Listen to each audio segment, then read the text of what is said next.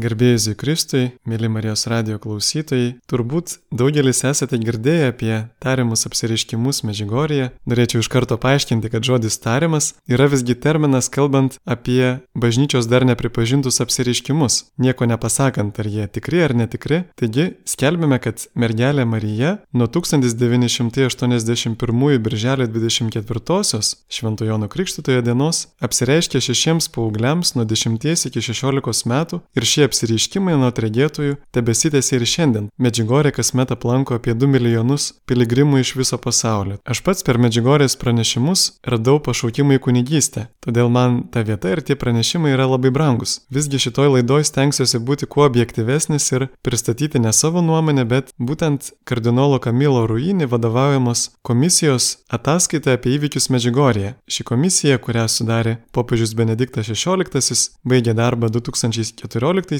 metais jau, jos ataskaita buvo slapta, tačiau apie jos išvadas visą laiką skelbė įvairios naujienų agentūros, o šiemet du italų žurnalistai, David Murdžyje ir Saverijo Gaeta, turbūt nepriklausomai vienas nuo kito, savo knygose italų kalba publikavo visą šitos komisijos ataskaitos tekstą, taigi e, ji jau nebėra slapta, internete yra ir jos vertimas į anglų kalbą laisvai prieinamas. Kodėl mums svarbu susipažinti ši, su šitą ataskaitą? Turbūt mažai yra tokių klausimų, klausimų, dėl kurių būtų tiek daug skirtingų ir prieštaringų nuomonių, skirtingos nedarančios informacijos, kas jūsų bandėte ieškoti tiesos apie Medžigorę internete, galėjot pastebėti, kad yra dvi aiškios pozicijos už ir prieš, tačiau be galo sunku suprasti, kurios pusės argumentai teisingi, kurios pusės išgalvoti. Turbūt ne vienas tyrėjas ir žurnalistas negalėtų turėti tiek informacijos, tame tarpe ir slaptos, apie Medžigorės įvykius, kiek turėjo būtent ši tyrimų komisija. Todėl ir nemanau, kad yra geresnis šaltinis iš išnarplioti Medžigorės klausimai, kaip būtent ši kardinolų ruinį komisijos ataskaita. Pats popiežius Pranciškus kelionėje iš Fatimos lėktuve 2017 metais pats pripažino, kad ši ataskaita yra labai, labai gera ir kad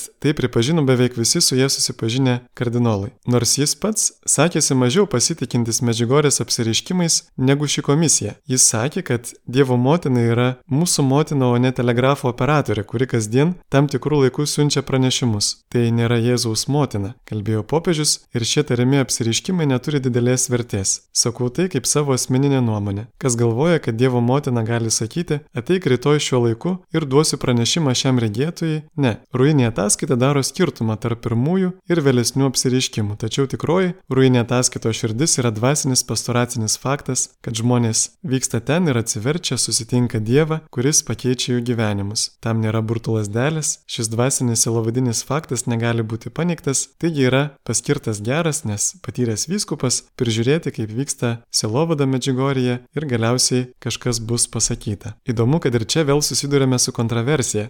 Varšuvos arkivyskupas Henrikas Hozeris, kurį popiežius siuntė Medžigorį kaip apaštalinį vizitatorių, yra pasakęs, jog jei pirmieji apsireiškimai būtų pripažinti ant gamtiniais, sunku būtų patikėti, kad visus tuos 30 keliarius metus regėtojai būtų melavę. Prisiminkime, Fatimoje mergelė Marija taip pat kvietė vaikus vaikus ateiti kiekvieno mėnesio 13 dieną ir tą pačią valandą. Čia aš kažkaip prisimenu lapį iš mažojo princo, kuri mokė, kaip reikia ją prisijaukinti. Jis sako, geriau būtų buvę ateiti tą pat valandą. Jei tu ateidinėsi, pavyzdžiui, 4 valandą po piet, tai jau nuo 3 valandos aš imsiu jaustis laiminga. Kuo toliau, tuo laimingesnė aš jausios. 4 valandą jau pradėsiu jaudintis ir nerimauti. Sužinosiu, kiek atsieina laimė. Jei tu ateidinėsi bet kada, tai niekada nežinosiu, kada man pasipuošti širdį. Reikia laikytis apieigų mokė lapė. Na bet, sakysime, Lurde Fatimoje įvyko tik keletas, keliolika apsiriškimų, o čia tūkstančiai. Taip, bet viešų pranešimų nėra tūkstančiai, nors kai kurie regėtojai tvirtina, kad Marija jiems apsireiškia kasdien. Tačiau pagrindiniai vieši Dievo motinos pranešimai pasaulyje nuo regėtojų yra kiekvieno mėnesio 25 dieną. Kartą per mėnesį prasidėjo nuo 1987. Tokių pranešimų yra netoli 400. Dar buvo viešų pranešimų antromis mėnesių dienomis per regėtojų Mirjaną, tačiau jie šiemet liovėsi. Taip pat iki tol būta kas savaitinių pranešimų Medžiugorės parapijai tarp 1984 ir 87 kiekvieną ketvirtadienį. Bet įdomiausia man tai, kad popiežius Pranciškus, būdamas Buenos Airių arkivyskupu, turėjo apsireiškimų vietą vadinamą Argentinos Medžiugorė. Rožinio Dievo motina apsireiškia Gladys Kviroga Demota beveik kasdien nuo 1983 rugsėjo 25. -osios. Visi iš eilės vietos viskupai palaikė šios įvykius davė imprimator pranešimų spausdinimui ir 2016 metais jie pripažinti ant gamtiniais. Taigi bažnyčia kol kas patvirtino 1816 pranešimų beveik kasdien duotų regėtojų gladys per pirmosius septynerius apsireiškimų metus iki 1990-ųjų. Tačiau apsireiškimai dar nesiliovė, pranešimų yra gerokai daugiau, juos šiuo metu tyria vyskupas ir teologų komisija. Pati gladys beveik nemokėjo nei rašyti, nei skaityti, bet ji tiksliai užrašydavo visus pranešimus. Ji taip pat gavo stigmas riešuose, kojose, šonėje ir ant pėties. Toje vietoje vyko daug dokumentuotų stebuklingų išgyjimų. Pavyzdžiui, vienas vaikas pasveiko nuo smegenų auglio. Tiesa, Vatikanas nesiniai paprašė nebeskelbti naujų tos vietos pranešimų. Medžiugorėje pranešimai yra labai paprasti. Pavao Žanič, tuometinis Moštaro vyskupas savo brošiūroje išsiuntinėtoje pasaulio viskupams pavadino Medžiugorės pranešimus beverčiais, nes jie tokie patys kaip ir Marijos pranešimai visame pasaulyje - melstis, atsiversti, atgailauti ir tas paprastumas man primena Švento Pranciškaus skelbimą į atgailą, kaip žinome, jis neturėjo leidimo teologiniams pamokslams, galėjo sakyti tik pamokslus kviečiančius į atgailą ir atsivertimą. Įsivaizduokime, jeigu, pavyzdžiui, biblinės Ninevės gyventojai būtų sakę, ai pranašas Jona nesako nieko naujo, mes jau daug kartų girdėjome, kad reikia atsiversti, kitą kartą paklausysime. Tuomet Ninevė būtų buvusi sunaikinta. Arba ar tie, kurie klausosi Jono Krikštitojo, irgi galėjo sakyti, tai, kad tu kalbi nieko naujo, visas šventas raštas apie tai. Bet šitos kelbimo tikslas ir nebuvo apreikšti ką nors naujo, juk viskas jau yra apreikšta Jėzuje Kristuje. Bet apaštalas Paulius kalba apie skirtingas charizmas, tame tarp ir pranašystės dovana, ir raginimo dovana netgi. Kitoje vietoje viename laiškyje jisai sako, kad man nesunku kartoti visą laiką tą patį, bet jums tai naudinga. Aš prisimenu savo atsivertimo pradžioje, buvau nekrikštytas ir maniau, jog, na, mačiau, kad yra daugybė religijų mokymų, tie naujieji religiniai judėjimai, kaip susitarė, skelbė, kad Biblija yra pasenusi ir kad dangus duoda naują mokymą. Aš tikėjau, kad yra kažkas daugiau, kad Dievas yra. Tuomet į rankas man pakliuvo knygelė apie Marijos apsireiškimus. Jų metu vykdavo stebuklai, daug žmonių pasveikdavo iš nepagydomų lygų, regėtojams atsiverdavo stigmos, kartais net minios žmonių regėdavo mergelę Mariją. Ir tuos ženklus lydėjo mergelės Marijos žodžiai visuomet visame pasaulyje labai panašus. Skaitykite Bibliją, ji nėra pasenusi. Melskitės, ypatingai rožinį, klausykite popiežiaus ir jo viskupų,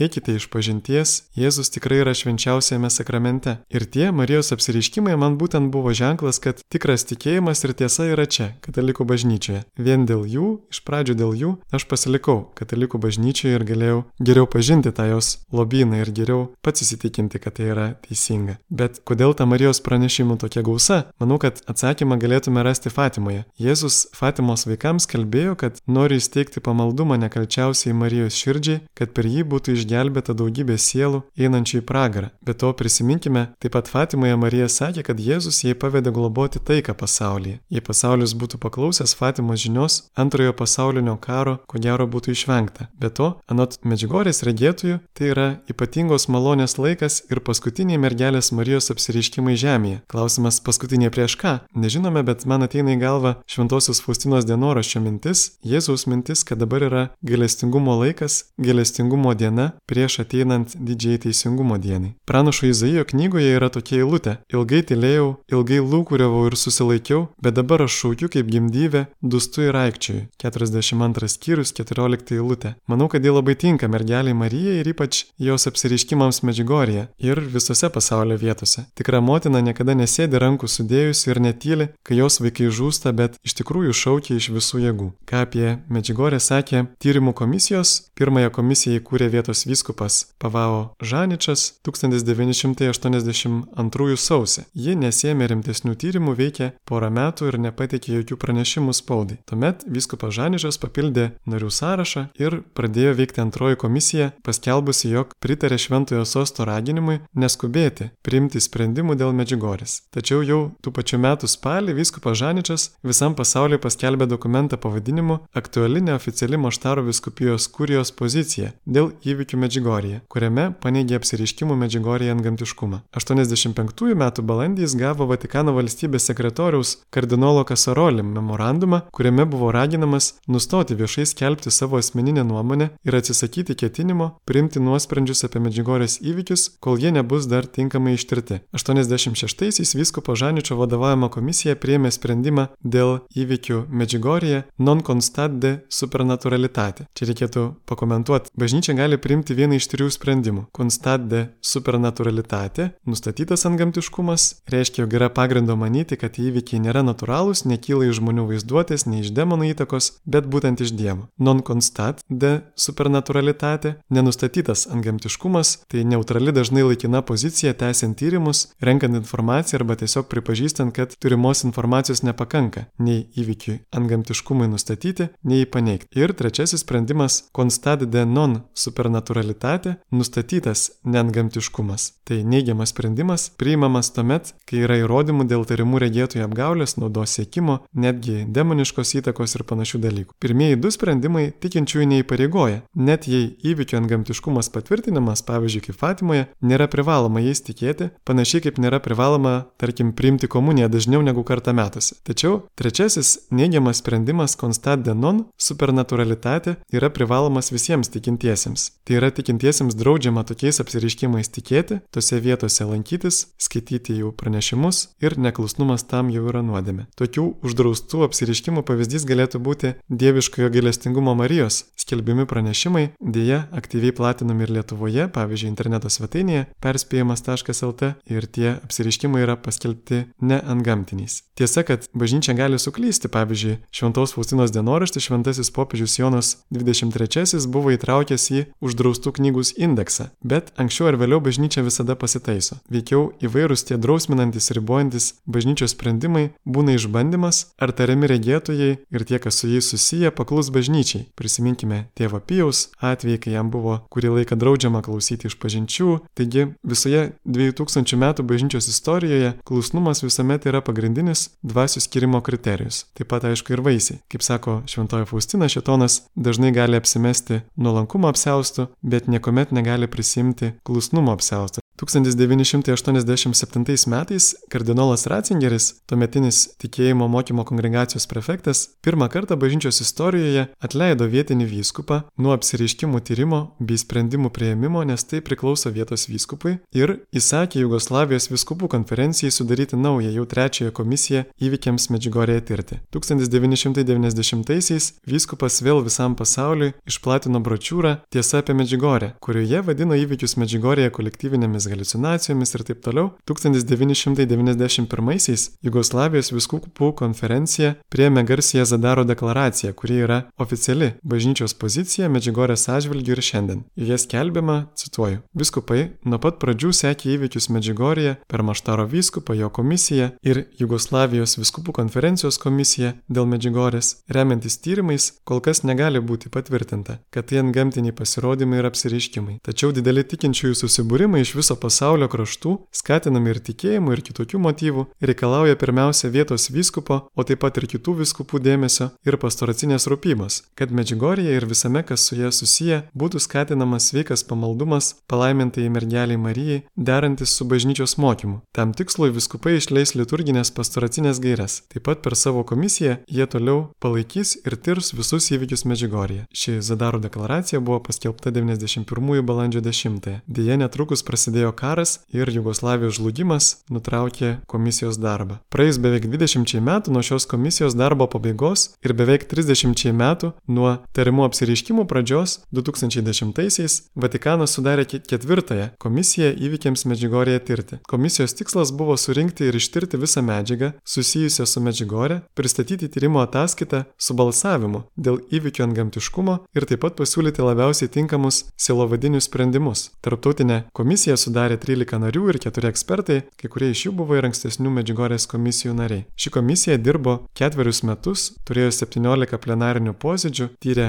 praeitų komisijų darbą, tikėjimo mokymo kongregacijos Medžiugorės, parapijos, Sarajevo slaptųjų tarnybų ir Moštaro policijos turimą medžiagą apie Medžiugorę, apklausė vietos vyskupą Pranciškonų provincijolą, šešis regėtojus, kunigą, kuris apsiriškimo pradžioje buvo Medžiugorės klebonų, du pirmosios Medžiugorės komisijos narius, septyni komisijos nariai atliko ir nuodugnę Medžiugorės inspekciją ten nuvykę. Ruinėje ataskaitoje minimi du istoriniai faktai, kurie stipriai paveikė bažnyčios netgi ir, ir visų žmonių požiūrį į Medžiugorę. Pirmasis - tai vadinamasis Hercegovinos klausimas. Ši problema jau yra ankstesnė už apsireiškimus, prasidėjusi jau XIX amžiai. Trumpai tariant, tai persekiojimo metu diecesniai kunigai buvo pasitraukę, o pranciškonai buvo likę su žmonėmis, kai kurie net jų buvo okupacinės valdžios nukankinti. Vėliau, kai pavojus praėjo, vietos viskupai pareikalavo pranciškonus pasitraukti ir gražinti žemės viskupijai, tačiau tai labiau žrūstino vietinius gyventojus, kai kurie jų net griebdavosi prievartos prieš diecezinius kunigus ir kartu maldavo pranciškonų neišvykti, nors toks buvo vyskupo įsakymas. Ir antra, neseniai buvo atrasti Jugoslavijos slaptųjų tarnybų dokumentai, jog komunistų valdžia visai stengiasi sukompromituoti Medžiugorės įvykius ir su jais susijusius žmonės. Jis kelbė apgulingą informaciją, padirbtus dokumentus apie tai šantažavo ir taip toliau. Vyskupas Pavao Žanič, čia aš pridedu savo komentarą, buvo apgautas šių dokumentų, bet to jam buvo grasinama, tai labai svarbus atradimas, kuris ko gero paaiškina, kodėl šis vyskupas taip aršiai puolė Medžiugorę ir internete, kodėl taip pat yra tiek daug priešiškos informacijos Medžiugorės atžvilgių ir kodėl ji taip nesutampa su Medžiugorės informacinios centro skelbiama oficialia informacija. David Murdžyje prieš Ruinių komisijos ataskaitą pateikė pasakojimą apie pirmosius tariamus apsireiškimus. Pirmoji apsireiškimų diena - 1981 birželio 24 apie 18 val. šeši jaunuoliai Ivanka Ivankovič, Mirjana Dragicevič, Vitskė Ivankovič, Ivan Dragicevič, Ivan Ivankovič ir Milka Pavlovič ant Trinica kalno, kelių šimtų metrų aukštyje virš vietos vadinamas Podburdo, pamatė jauną moterį su kūdikiu ant rankos. Kita ranka įmojo vaikams, kad prieitų arčiau. Išsigandė ir apstulbė jie pabėgo. Ta diena šviečiantis apsireiškimas neištarė nei žodžio. Antroji diena, tuo pačiu laiku keturi iš šių jaunuolių susitarė patraukė ten, kur vakar buvo pasirodžiusi Gospa, Dievo motina, su viltimi vėl ją pamatyti. Prie jų prisijungė Marija Pavlovič ir Jakov Čiolo. Taip susiformavo grupelė Merdžigorės saulės regėtojų. Stiga nutveskė šviesa ir vaikai pamatė Dievo motiną, tačiau be kūdikio ant rankų. Buvo nenusakomai graži, džiaugsminga ir šipsojusi. Rankų įdėsiais kvietė prisertinti prie jos. Vaikai įsidrasinę priejo arčiau ir tuoj pat parpuolė ant kelių pradėjo melstis. Tėve mūsų, sveika Marija, garbė Dievui, o Dievo motina meldėsi kartu su jais, išskyrus maldą sveika Marija. Po maldos jį pradėjo pokalbį su vaikais. Ivanka tuoj pat paklausė apie savo mamą, kuri mirė prieš du mėnesius. Mirjana prašė Gospos parodyti parodyti kokį nors regimą ženklą, kad jų nekaltintų melu ar pamišimu, nes jie jau patyrė tokius kaltinimus. Pabaigoje Dievo motina atsisveikino su jais žodžiais su Dievu, mano angelai. Trečią apsiriškimų dieną, birželio 26-ąją, vaikai nekantriai laukė tos valandos, kada vėl pasirodys jiems gospa. Vaikai labai džiugavo, tačiau jų džiaugsmas kiek maišėsi su baime dėl nežinomybės, kuo visa tai baigsis. Nepaisant to, jie jautė, kad kokia tai vidinė jėga traukė juos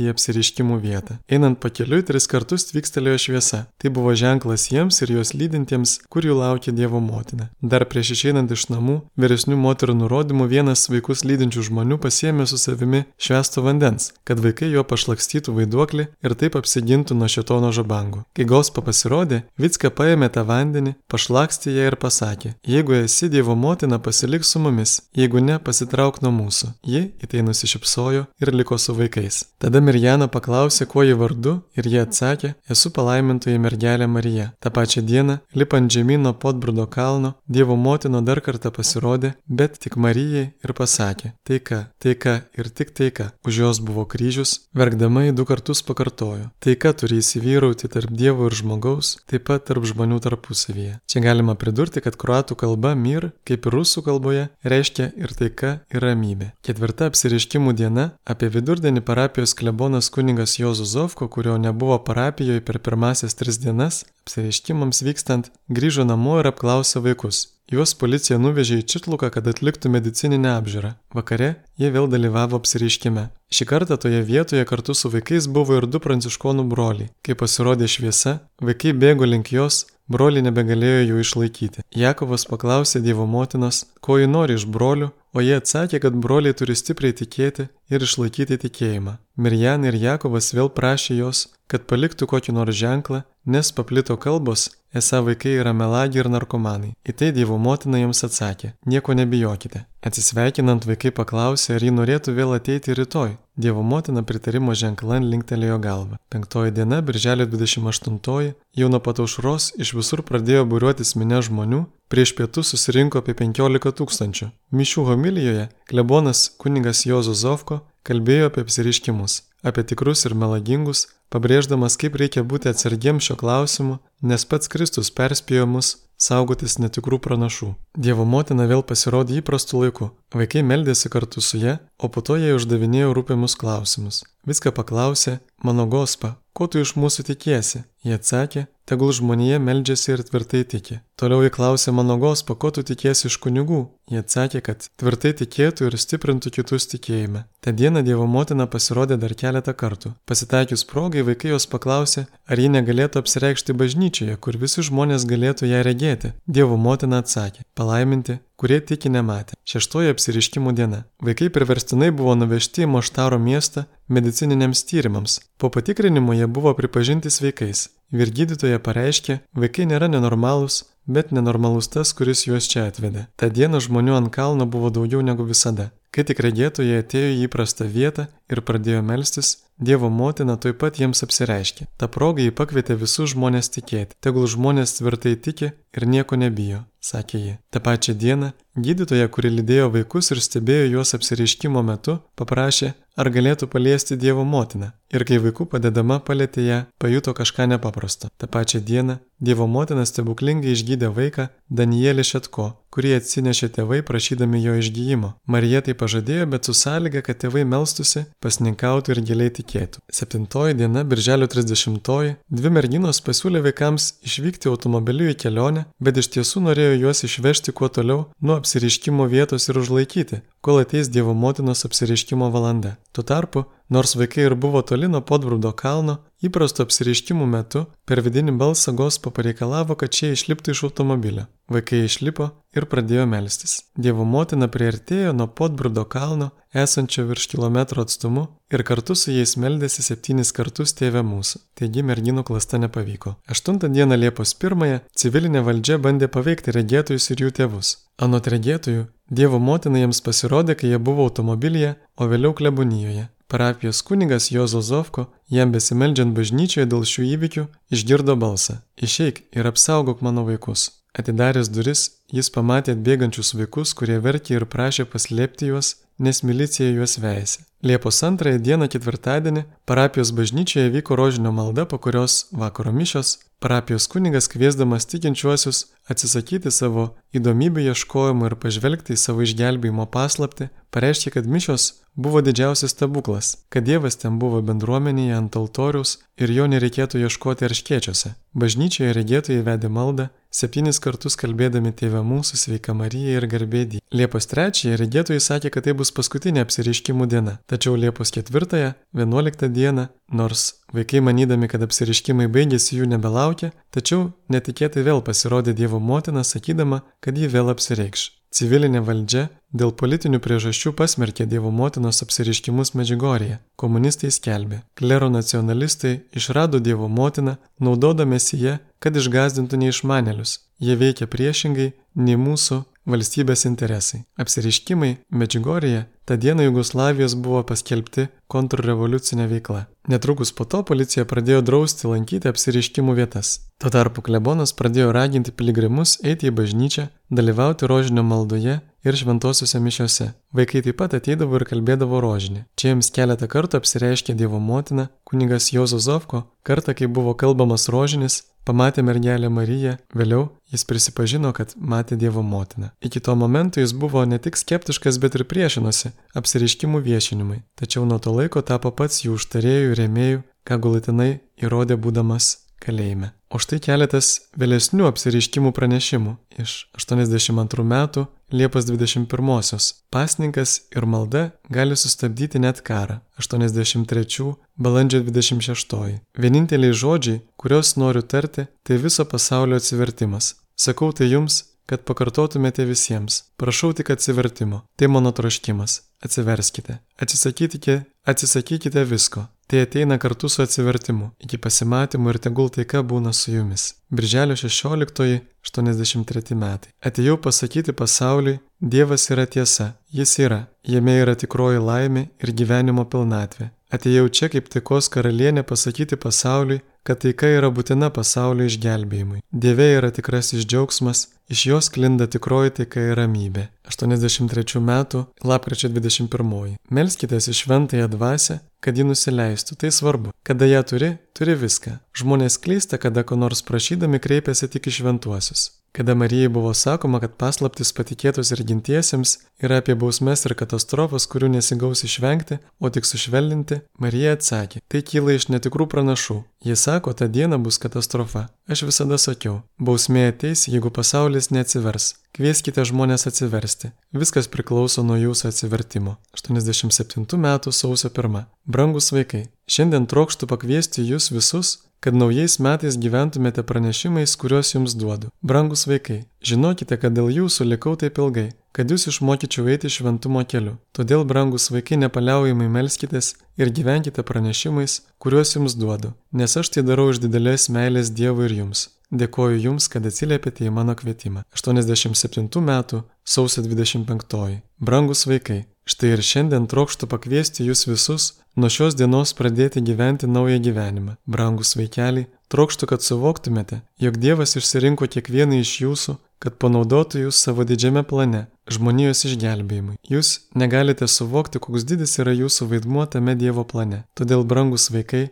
melskitės, kad maldoje galėtumėte suvokti Dievo planą skirtą jums. Aš esu su jumis kad galėtumėte jį pilnai įgyvendinti. Dėkoju Jums, kad atsiliepėte į mano kvietimą. Kardinolo Ruini komisija labai aiškiai pastebėjo skirtumus tarp pirmų septynių apsiriškimo medžiugorėje ir likusių tebesitęsiančių iki šiandien. Iš pradžių apsiriškimą nuo tragėtojų vyko jiems visiems kartu ant Podbrudo kalno, tiesa ir kitose vietose, kai juos persikėjo milicija ir viskas vyko spontaniškai, nieko nesitikint. Buvo netgi kankinystės dimensija, nes yra žinoma, kad regėtojams komunistai grasino mirtimi, bet jie nepaisant to neatsisakė savo savo parodymu, jog matė švenčiausią mergelę. Pirmoje fazėje vyskupas Pavao Žanič buvo labai entuziastingas. Išliko jo kalba, kuris skelbė, jog vaikai nemeluoja ir tikrai mato Dievo motiną. Jis ragino visus pasitikėti apsireiškimais, tuo tarpu klebonas Jozozovko ragino vyskupą neskubėti. Galiausiai vyskupo nuomonė pasikeitė, kaip rašoma ataskaitoje, galbūt po iš komunistų saugumo patirto spaudimo ir tardymo, tačiau tikrai po vieno gospos pasisakymo Hercegovinos klausimo atžvilgių. Čia reikėtų reikėtų pakomentuoti, kad du pranciškonai Vego ir Prusina buvo vyskupo pažeminti į pasauliečių luomą už tai, kad nepakluso jam ir pasiliko jo teritorijoje teikti sakramentus, švesti šventasias mišes ir štai tie e, du pranciškonai pažeminti į pasauliečių luomą daug kartų lankė regėtojus, nes buvo visai netoli nuo Medžigorės ir prašė paklausti Dievo motinos, ką jiems daryti. Ir anot regėtojų Dievo motina davė atsakymą, kad vyskupas su jais pasielgė skubotai. Šitai supykdė vyskupą ir jis nusprendė kad šitie apsiriškimai negali būti iš Dievo, nes skatina neklusnumą vyskupui. Beje, įdomu pastebėti, kad po daugelio metų 1993 kovo 27-ąją aukščiausiasis bažnytinis teismas signatūrą apostoliką nusprendė, kad vyskupas iš tikrųjų pasielgė skubotai, neteisėtai ir dar neteisingai. Taigi, anot komisijos ataskaitos, pagrindiniai prieštaravimai dėl tariamų regėtojų patikimumo ir tiesos sakymo kilo iš skirtingais būdais ir skirtingų laipsnių iškraipytų jų teiginių bei manipulacijos jų teiginiais. Be abejo, tai buvo komunistų saugumo veiklos rezultatas. Komisija įsitikino, kad regėtojai yra normalūs žmonės ir psichologiškai sveiki. Aišku, komisija netmeta ir tam tikrų iškraipimų kilusių ne iš blogos valios. Jis sako, kad ir autentiški apsireiškimai nėra laisvi nuo žmogiškų klaidų. Pabrėžiamas skirtumas tarp viešojo apreiškimo, kuris viršūnė pasiekė Dievo Sūnaus įsikūnyjime, ir privačių apreiškimų visuomet sąlygojimų - regėtojų patirties, gabumų gyvenamosios aplinkos išsilavinimo. Antrojoje apsireiškimų fazėje tie apsireiškimai jau vyko asmeniškai regėtojams, jie buvo nebebuvo suplanuoti, laukiami, nebebuvo netikėti. Pirmosios fazės apsiriškimų komisija anot jos negali paaiškinti natūraliomis priežastimis. Visų šešių regėtojų liudymai labai nusekliai sutarė dėl šio turinio, būtent, kad Dievo motina vadinama taikos karalienė, kad ji turi prašymų bei pranešimų visiems tikintiesiems, kuriuos sudaro keturi dalykai. Pirma, karštas grįžimas į tikėjimą, antra, atsivertimas, trečia, uli malda ir pasninkas, ketvirta, nuolatinis taikos maldavimas. Regėtojai nebuvo paveikti nei pranciškonų, nei kitų žmonių, jie būdami sovietinio bloko šalyje nedaug galėjo žinoti apie kitus apsiriškimus pasaulyje ir jų liudijimuose nerasta apgaulės. Komisija atmetė taip pat ir apsiriškimų demoniškos kilmės hipotezę kaip nederančią nei su gerais vaisiais, nei su kitais minėtais komisijos atradimais. Komisija taip pat pastebėjo, kad gospa, taip vadinama Dievo motina, kruatų kalboje, parodo glaudų ir neatskiriamą ryšį su Kristumi, su Dievu ir taip pat, kad gospos pasirodymai teikia regėtojams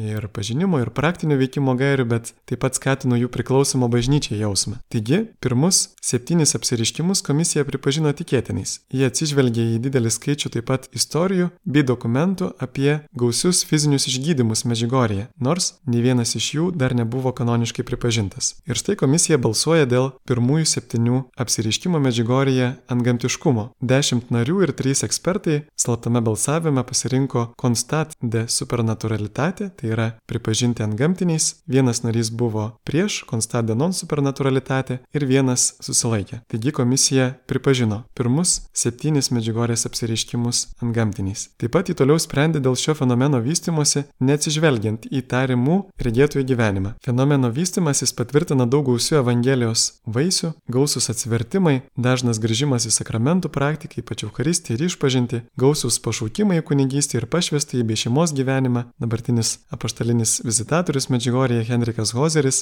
minėjo, kad yra daugiau kaip 600 dvasinių pašaukimų Medžigorėje. Aš taip pat galėčiau priskirti save tam skaičiui. Taigi visi tie vaisiai labiau susiję su Medžigorės vieta negu su regėtojais. Ir Medžigorės dvasingumas taip stipriai paplito, kad nebegalima manyti, jog tai kažkieno manipulacija. Atsargiai komisija duoda tokį palyginimą, kad maža sėkla neša labai didelių vaisių. Taigi net ir bet kokie regėtojai tolimesni gyvenimo įvykiai, asmeninio gyvenimo įvykiai nebegali sukompromituoti pirmųjų Medžigorės apsiriškimų ant gamtinės kilmės. Ir tos keturios pirmųjų įvykių dimensijos, būtent raginimas grįžti į tikėjimą, atsiversti, uoliai melstis ir pasninkui, tai melstis taikos, dabar jau yra ir Dievo tautos paveldas, teikia komisija. Toliau vyko balsavimas dėl vaisių Medžigorėje neatsižvelgiant į regėtojų gyvenimą. Trys nariai ir du ekspertai nusprendė, kad vaisiai yra teigiami, keturi nariai ir du ekspertai, kad vaisiai yra įvairūs maišyti, bet daugiausia teigiami. Ir trys nariai, kad vaisiai yra maišyti įvairūs. Bet čia reikėtų pridėti komentarą, kad neigiami vaisiai daugiausiai ir kilo būtent dėl sielovadinio rūpeščio regėtojais, o taip pat ir piligrimais trūkumo. Būtent dėl neigiamo bažnyčios nusistatymo, kuris buvo iš tiesų paveiktas komunistų suklastotų duomenų Dėl regėtojų gyvenimo ir veiklos yra daugiau problemų. Problematiškomis pripažintos šios dvi sritis. Visų pirma, pranešimų forma ir turinys su tam tikrais dviprasmiškais posakiais, perdavimo būdais, paslėptais dalykais. Pavyzdžiui, Marijos gyvenimo aprašymo padiktavimas regėtojai Vitska, dešimt paslapčių, kurias gavo kiekvienas regėtojas ir atėjus metų jas atskleis apie numatomus įvykius pasaulyje, greičiausiai Dievo bausmes ir taip pat dabartinis regėtojų patikimumas atsižvelgiant į jų bažnytinę veiklą ir praktiką. Komisija pripažino ir su Medžigorė susijusių dvasininkų elgesio problemas ir komisija taip pat rašo, jog jai pačiai buvo be galo sunku surinkti originalius dokumentus ir liudijimus, kad jis susidūrė su gausybė kliučių, ieškodama tos originalios informacijos. Taip pat komisija pripažino, kad regėtojai nebuvo šventi pradžioje, bet kiekvienas esame kviečiamas į šventumą ir taip pat, kad jie nėra apsaugoti nuo to kvietimo į šventumą vėlesnio atmetimo. Tam tikrose pranešimuose yra gausų pasikartojimų, nors jie ir išlieka vieni vienybėje su bažnyčios tikėjimu bei mokymu. Yra, kaip minėjau, problematiškas Vitskiai diktuotas Marijos gyvenimo aprašymas, na tiesiog dėl to, kad bažnyčia negali jo patikrinti, taigi ir nesijima jo ir pripažinti. Taip pat didysis ženklas, kurį žadėjo apsireiškusiai dar neįvykęs, dešimt paslapčių, kurias turi kiekvienas regėtojas dar neišsipildė. Ir komisija taip pat tyrė du argumentus, labiausiai paplitusius viešumoje dėl regėtojų, būtent dėl jų pelno siekimo ir dėl jų psichikos sutrikimų. Dėl pelno, dėl pinigų komisija rado tam tam tikrą dviprasmišką santykių su pinigais, tačiau ne amoralumo pusėje, bet veikiau rūpinimosi savo gerovę pusėje. Tai nenuostabu, nes regėtojai buvo palikti be nuolatinio ir pastovaus dvasinio palidėjimo. Komisija teigia, kad nei Moštaro viskupai, nei broliai pranciškonai neužmėgė su regėtojais pakankamai gilių ir reguliarių dvasinio palidėjimo santykių. Komisija taip pat išreiškė abejonės dėl regėtojo Ivano Dragicevič, kurio vienintelė veikla ir parama yra būtent susitikimai ir konferencijos apie Medžigorę. Pripažįstama, kad jis kelis kartus melavo ir yra mažiau patikimas negu kiti regėtojai, kai kalba apie patirtis su gospa. Visgi, čia aš pas nuo savęs pridėčiau, kad jeigu yra pamaldus žmogus, be abejo, jeigu ir buvo suklydęs Dievas jam padės atsiversti. Komisija pripažįsta, kad nors tolesni įvykiai ir apsiriškimai turi skirtingą pasakojimą ir patikimumą, jų visgi negalima priskirti psichiniams sutrikimams ar net atviram moralumui, nebent tai įmanoma Ivan Dragicevič atveju, tad komisija iškėlė įvairių psichologinių hipotezių, kaip paaiškinti tolesnius reiškinius, jeigu tai nėra lyga ar apgaulė. Buvo balsuojama dėl tų tolesnių antros fazės apsiriškimų ant gamtiškumo, aštuoni nariai ir keturi ekspertai pasirinko balsą non-dum decernendum, Tai reiškia, kad dar negali nuspręsti ir du balsavo prieš constat de non supernaturalitate. Tiesiog komisija pati pripažino, kad kadangi šie įvykiai tebesitėse, ji kol kas negali spręsti apie jų antgamtiškumą, tačiau svarbiausia yra šiuo metu tinkamas ir pagarbus, ugdantis dvasinis palidėjimas būtent tų žmonių, kurie su šiais reiškiniais susiję ir ypač regėtojų. Toliau komisija pasiūlė keisti dabartinį bažnyčios požiūrį į Medžigorės įvykius. Kadangi piligrimystės į Medžigorę davė gausių malonės vaisių, bažnyčia turi priimti pozityvų pozityvų, silovadinių požiūrį į tai, palaikydama ir skatindama gerus vaisius, o tuo pat metu stabdydama dviprasmiškus ir pavojingus aspektus. Komisija mano, jog draudimas lydėti piligrimus davė neigiamų vaisių, nes paliko šį lauką atvirą visokioms iniciatyvams, kurios nesiderina su bažnyčios mokymu ir disciplina. Zadaro deklaracijoje buvo nuspręsta, kad piligrimų silovada visų pirma turi rūpintis vietos vyskupas, tačiau jo nusistatymas konstatė non supernaturalitatį ir neleido ir neleidžia pilnai gyvendinti įgyvendinti Zadaro deklaracijos rekomendacijų. Tad komisija siūlo šiuos dalykus. Turi būti skatinamos tos pastoracinės iniciatyvos, kurios sugdo sveiką per Mariją prie Kristaus dvasingumą sutinkamą su pradiniu apsiriškimu dvasia, taip pat ištikimybė ir klusnumu bažnyčiai. Turi būti pašalintas draudimas organizuoti piligriminės keliones į Medžigorę, turi būti užtikrinta, kad kunigai suteiks dvasinį palidėjimą piligrimams. Taip pat bažnyčia turi būdėti, kad Medžigorė ir kitose susijusiose vietose būtų išvengta žalingų tendencijų. Balsa balsavime dėl draudimo organizuoti keliones į Medžigorę panaikinimo 10 narių ir 3 ekspertai balsavo už, vienas nebalsavo. Problemos dėl bažnytinės valdžios vykdymo Medžigorėje. Kadangi vyskupas nuolat palaiko neigiamą poziciją Medžigorės atžvilgių, jam turi būti leista garbingai pasitraukti. Kadangi Medžigorė pranoksta vienos šalies ribas, yra tapusi de facto šventovė su gausiais malonės vaisiais, beje, ataskaita daug kartų mini gausius teigiamus malonės vaisius Medžigorėje, ji turėtų būti paskelbta kaip popiežiaus popiežiška šventovė. Kanonų teisėje šventovė yra bažnyčia ar kita šventa vieta, kuri su vietos vyskupo leidimu dėl tam tikro pamaldumo lankoma tikinčiųjų kaip piligrimų. Visgi komisija susirūpinusi, kad tai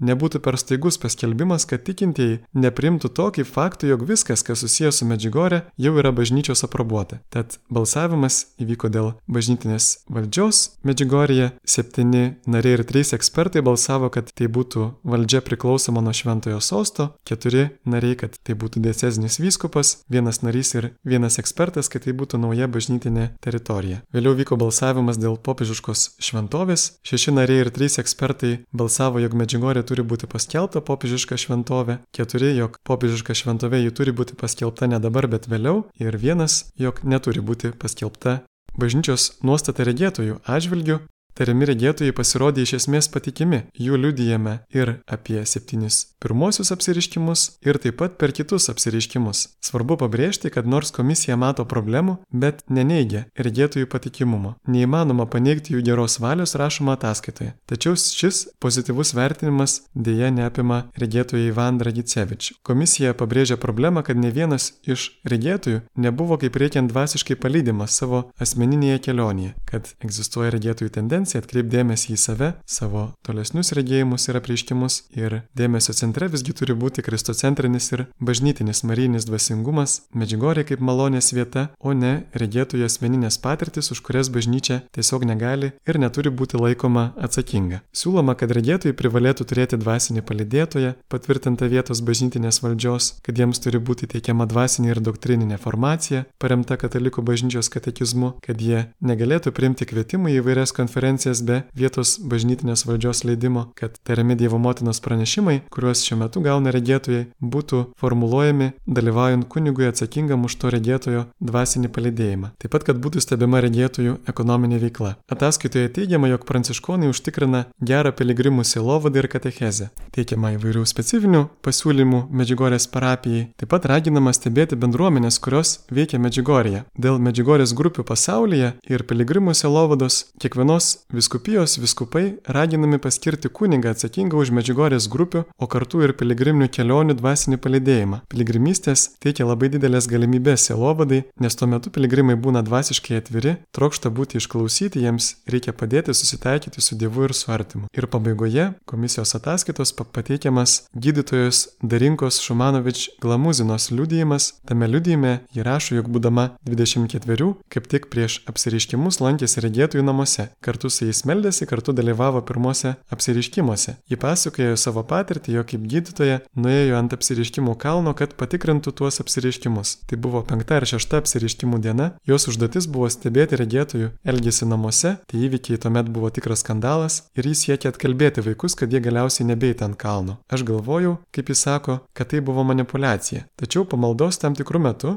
visi vaikai vienu balsu staiga pasakė, dabar eikime į kalną. Nieko negalėjau padaryti, sako ši moteris, jie su tokia energija nubėgo ant kalno. Aš bėgau iš paskos. Jie nieko nekalbėjo ir staiga vėl visi kaip vienas sustojo ir tarė, taip, čia ši vieta. Stovėjau šalia ir meldžiausi kartu rožinį, galvojau, kad tai kolektyvinė hipnozė ar manipulacija. Tuomet staiga vėl visi kartu vienu balsu sušuko, štai ji ir atsiklopė bei pradėjo su ją kalbėtis. Ant kalno tuo metu buvo keli tūkstančiai žmonių. Žmonės prašė pasimelsti dėl įvairių dalykų, išgyjimų. Aš pasakiau, ar galiu paklausti Dievo motinos. Regėtoja viską paklausė jos ir pasakė, kad galiu. Sakau, viską paklausk, kas tu? Jie atsakė, kad taikos karalienė. Pagalvojau, kokia taikos karalienė, mes juk gyvenam taikoje. Toliau klausiau, kodėl čia atėjote ant šito kalno, nes čia stiprus tikėjimas. Atsakė ji. Paklausiau, ar galiu ją paliesti. Lėčiau, jaučiu kažką nepaprasto, jie aprašo savo ypatingą vidinę patirtį ir tuomet rašo, kad staiga pajaučiu, kad to nebeliko, kad įdingo. Paklausiau, Vitska, kas čia buvo? O jie atsakė, kad Marija pasakiusi, visuomet yra netikinčių judų. Kita regėtoja Mirjana, matydama mano sumišimą ir gailėdama pasakė švelniau, visuomet yra tikinčių, netikinčių ir judų. Toliau Darinka liudija, kad šie žodžiai visiškai pakeitė jos visą tolesnį gyvenimą. Taigi, galime matyti, kad popiežius pamažu įgyvendino komisijos rekomendacijas. Praeitų metų, gegužės 12, buvo nuimtas draudimas viskupijoms, parapijoms organizuoti keliones į Medžigorę Visai neseniai popiežius paskyrė naują maštaro vyskupą vietoj buvusio Petr Palič ir jeigu pranašautos regėtojų turimos paslaptys išsipildys, jie atsiras žadėtas nuolatinis ženklas netikintiesiems, tai ir parodys, ar tolesni apsiriškimai Medžigorėje buvo tikri. Tačiau, anot regėtojų, pati Marija kalba, kad tuomet, kai ženklas pasirodys, daugeliu jo bus per vėlu, kad turime nedelsdami atsiversti, skirti Dievui pirmą vietą savo gyvenime ir pradėti uoliai gyventi maldą ir pasninku. Taip pat skaityti šventąjį raštą, eiti iš pažinties kartą per mėnesį, taip pat dažnai priimti švenčiausią sakramentą, dalyvauti mišiose ir melstis širdimi būtent rožinio ir kitas maldas. Pirmi septyni apsiriškimai Medžigorėje pripažinti ant gamtiniais, kylančiais iš Dievo, nei iš žmonių ar demonų apgaulės apgaulės. Tačiau ši komisija, reikia pabrėžti, yra tik patariamoji, jos sprendimas nėra galutinis. Galutinis sprendimas dabar būtent priklauso popiežiui Pranciškui. Laukime jo ir būkime klusnus bažnyčios vaikai, tuo tarpu galime labiau įsiklausyti Jėzaus Evangeliją, į mergelės Marijos kvietimą atsiversti, grįžti pas Dievą, oliau melstis ir pasninkauti, melstis už taiką. Iš tiesų turbūt nuo mūsų maldos daug kas priklauso. Tiek įvykiai pasaulyje, tiek karai arba taika, tiek ir mūsų bei kitų sielų atsivertimas. Taip pat galime būti ramus, jog bažnyčia būdi ties įvykiais Medžigorėje, esame laisvi jais tikėti arba netikėti, skaityti tariamų regėtojų tariamus pranešimus arba neskaityti, tie pranešimai kol kas neprieštarauja bažnyčios mokymui, taip pat esame laisvi vykti į piligrimistes, Medžigorėje netgi bažnyčia tai skatina, nes tai duoda labai daug gerų malonės vaisių. Te būna tai ir paskatinimas išgirsti tą mergelės Marijos žinę, kurią jau patvirtino bažnyčia kitose vietose, tokiuose kaip Lurdas, Fatima, Kibeho, San Nikolai ir kitur. Bet visų pirma, nepamirškime, kad mes jau turime didžiausią stebuklą kiekvienoje bažnyčioje per šventasis mišes, kai duona virsta Jėzaus kūnu ir krauju. Nėra didesnio stebuklo ir taip pat nėra žodžių vertingesnių už Jėzaus žodžius Evangelijoje. Amen.